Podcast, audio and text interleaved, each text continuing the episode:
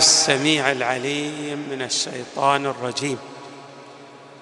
بسم الله الرحمن الرحيم والحمد لله رب العالمين والصلاة والسلام على أشرف الخلق سيدنا ونبينا محمد وآله أجمعين الطيبين الطاهرين.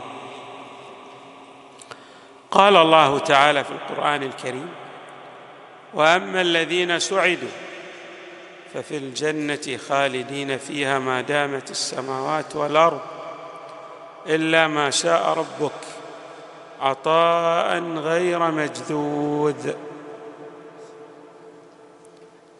استعرضنا وإياكم أن من أهم الأمور التي تحقق السعادة للإنسان الإيمان بالله. تبارك وتعالى وبالتالي المعرفة للحق تبارك وتعالى.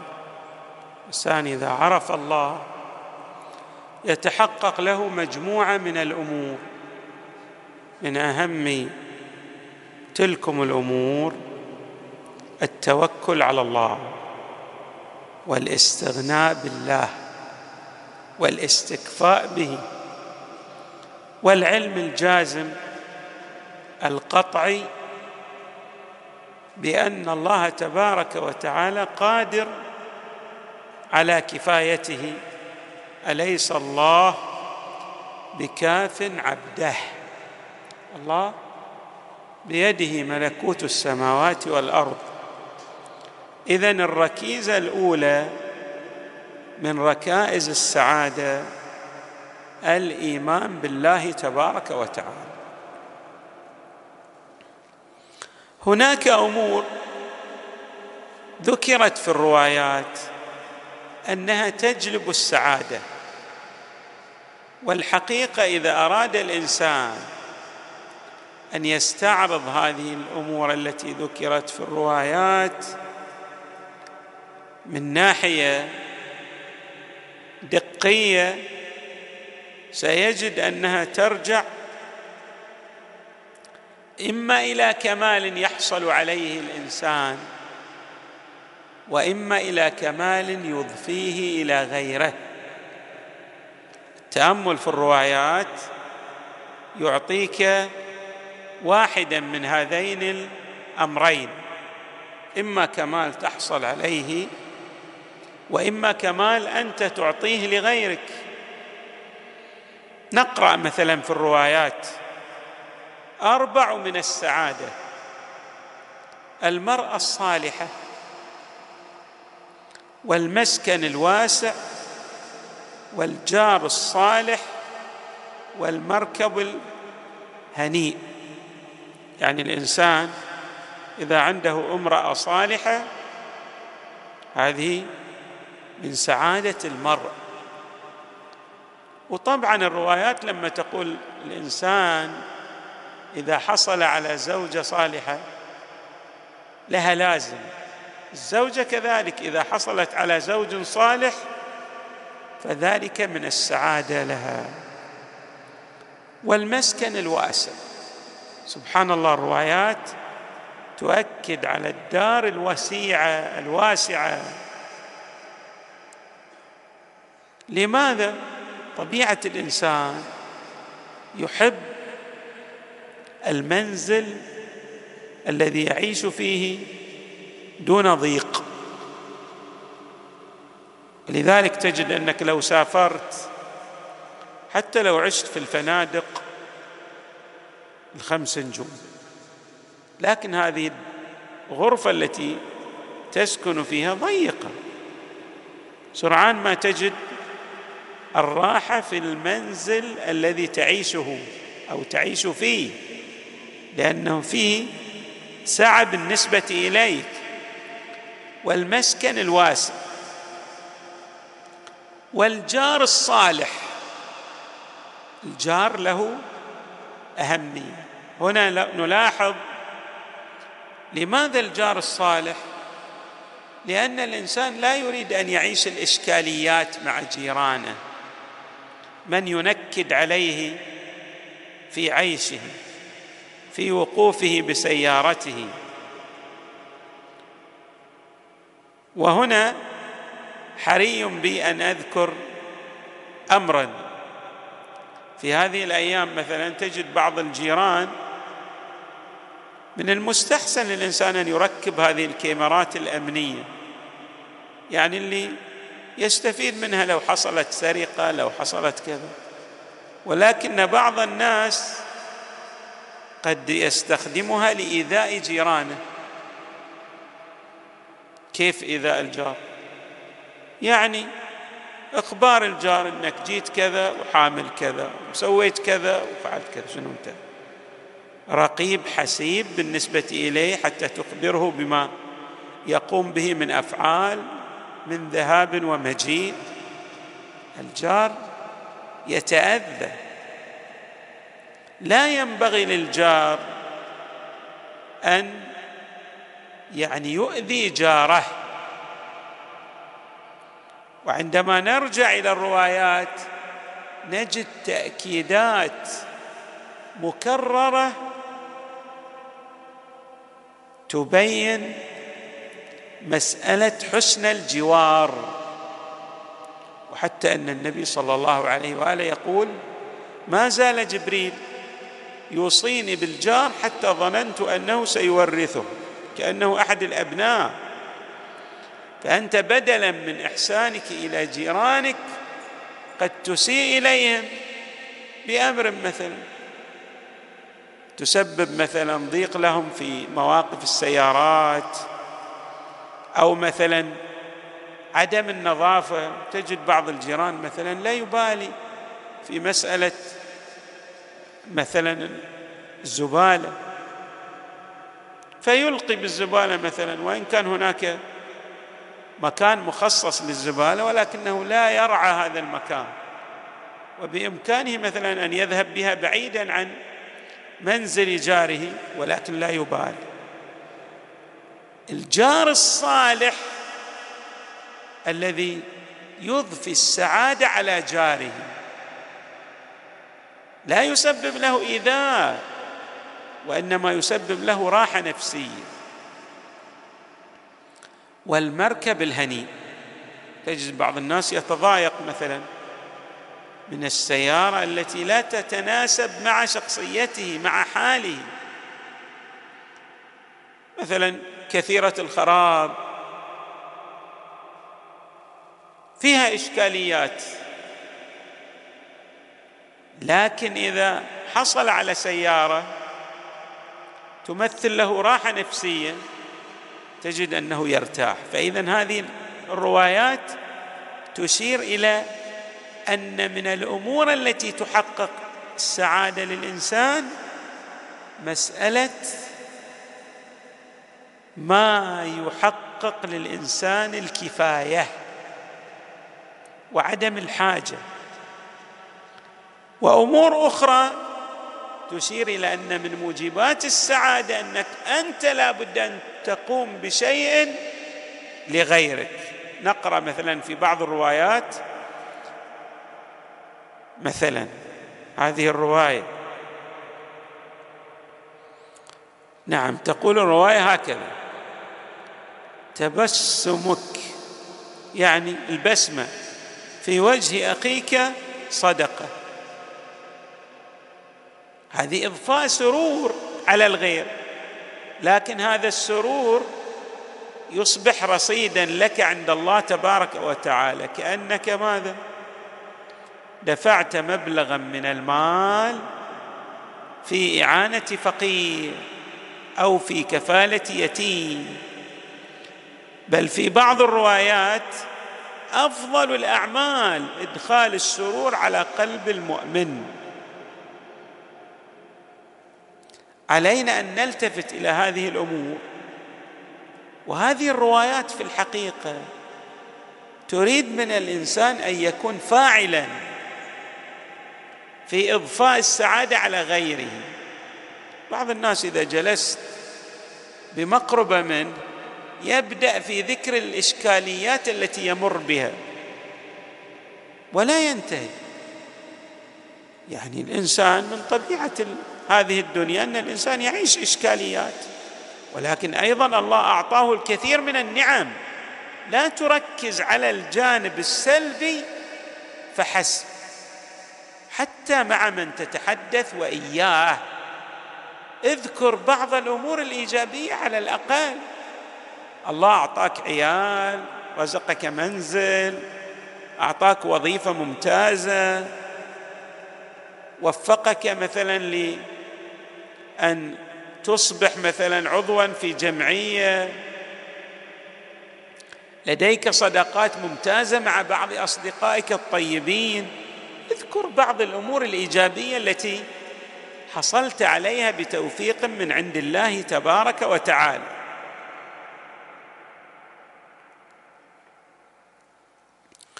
خلاصة. أن الإنسان لن يصل إلى السعادة إلا بوجود رضا النفس وتكيف مع بعض الظروف القاهرة التي قد تمر عليه. اذا علينا أن نلتفت إلى هذه الأمور. من أهم الأمور التي تدخل السعادة على الإنسان أن الإنسان إذا تعرض إلى ضغط من الضغوط النفسية وهذا يحصل.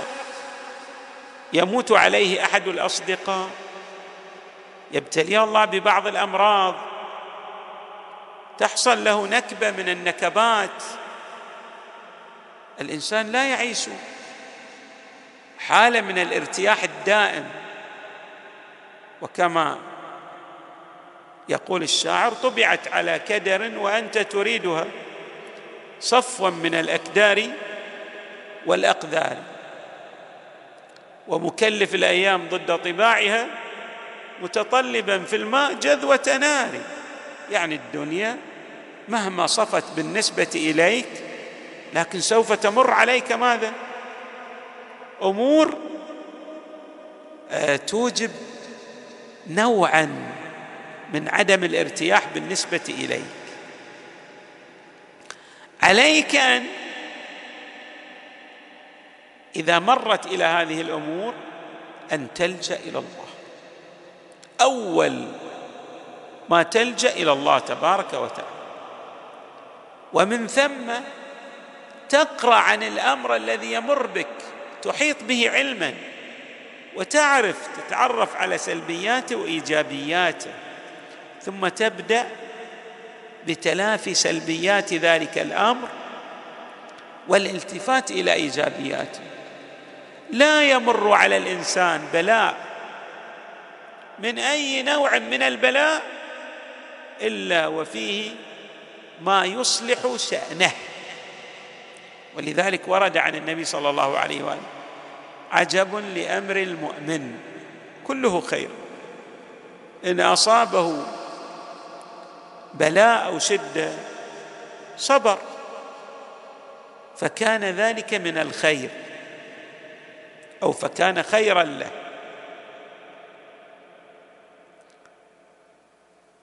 يعني ذلك البلاء يكون خيرا له. وإن أصابته سراء نعم. رفاهيه شكر. فكان ذلك أيضا ما خيرا له. المهم أن الإنسان إذا أصيب بكربة من كرب الحياة نكبة من النكبات عليه أن يلتفت إلى الجانب الإيجابي. ففي كل محنة منحة وعطاء. لله تبارك وتعالى ولا يلتفت فقط إلى الجنبه الماديه هناك جانب معنوي للإنسان يتكامل بما يصيبه من هذه الابتلاءات التي تمر عليه في الحياة الدنيا. إذا رجع إلى الله وقرأ عما يمر به من كربة أو ازمه واستعان بالله أيضا على حلحلتها وتعرف على الجانب الإيجابي والسلبي منها سيخرج منها ظافرا بإذن الله تبارك وتعالى. يعني سعيد سينال السعادة. أيضا على الإنسان أن يلتفت.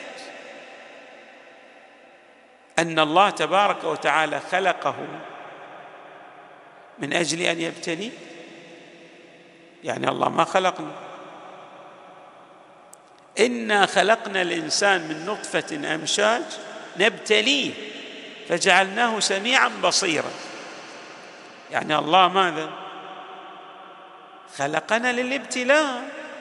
هذه الابتلاءات التي تمر علينا ليرى فيها ماذا صبرنا يرى فيها ماذا رجوعنا إليه. يرى فيها كيف نتعامل مع الظروف التي تمر علينا وتحيط بنا. الله خلقنا من أجل أن يرى مدى الارتباط بيننا وبينه وأيضا هذه النكبات والابتلاءات تعرف الإنسان على الله. الانسان إذا كان يعيش في بحبوحة من الرفاهيه ينسى الله تبارك وتعالى. أما إذا مرت عليه الابتلاءات هذه الابتلاءات تسهم في صقل شخصيته الإيمانية وتلجئه إلى الله تبارك وتعالى. من الأمور التي تضفي السعادة على الإنسان أن الإنسان لا يحل إشكالياته بنفسه بل يستعين بأهل الخبرة في ذلك. الإنسان بالخصوص في هذه الأيام هناك في كل مجال من المجالات التخصصية رواد فليرجع إلى أصحاب الريادة. في المسائل التي لهم تخصص فيها. يعني لا يعتمد على معرفته المحدودة وإنما يرجع إلى أهل الخبرة من ذوي الكفاءة العالية ويستعين بخبراتهم في حلحلة الإشكاليات التي تمر به وعليه. وبذلك يحصل مثلا ماذا؟ على ما نعبر عنه بالإجابات الوافية الشافية. ورد عن علي عليه السلام من شاور الرجال شاركها في عقولها. الانسان الذي يستعين بأهل الخبرة كأنه يجمع مجموعة من العقول ويضيفها إلى عقله. العقل له يعني دور محدود لكن لما تجمع مع عقلك مجموعة من العقول ستنفتح أمامك آفاق كبيرة وتتعرف على جوانب من الإبداع في حلحلة الأزمات التي تمر عليك وبك. اذا علينا أن نلتفت إلى هذا وإحنا نجد كثير من الناس أصيب بأمراض مستعصية ولكن لما استعان بأصحاب التخصص يعني عالج نفسه وما سلك طريقا واحدا اولا استعان بالله وتوجه إلى الله واستعمل الأمور مثل كالصدقة والدعاء. وطلب من المؤمنين أي يضرع إلى الله في منحه الشفاء والعافية. فعلا وجد ماذا؟ ابوابا مشرعة أمامه واستطاع أن يجد أكثر من علاج لمرضه لأنه ما سلك طريقا واحدا سلك طرق متعددة أوجبت له أن يتخلص من الإشكاليات التي يمر بها. وهناك أمور أخرى إن شاء الله سنذكرها تباعا. نسال الله تبارك وتعالى أن يضفي علينا السعادتين المادية والمعنوية وأن يجعلنا مع محمد وآله البررة الميامين في الدنيا والآخرة. صلى الله وسلم وزاد وبارك على سيدنا ونبينا محمد وآله أجمعين الطيبين الطاهرين.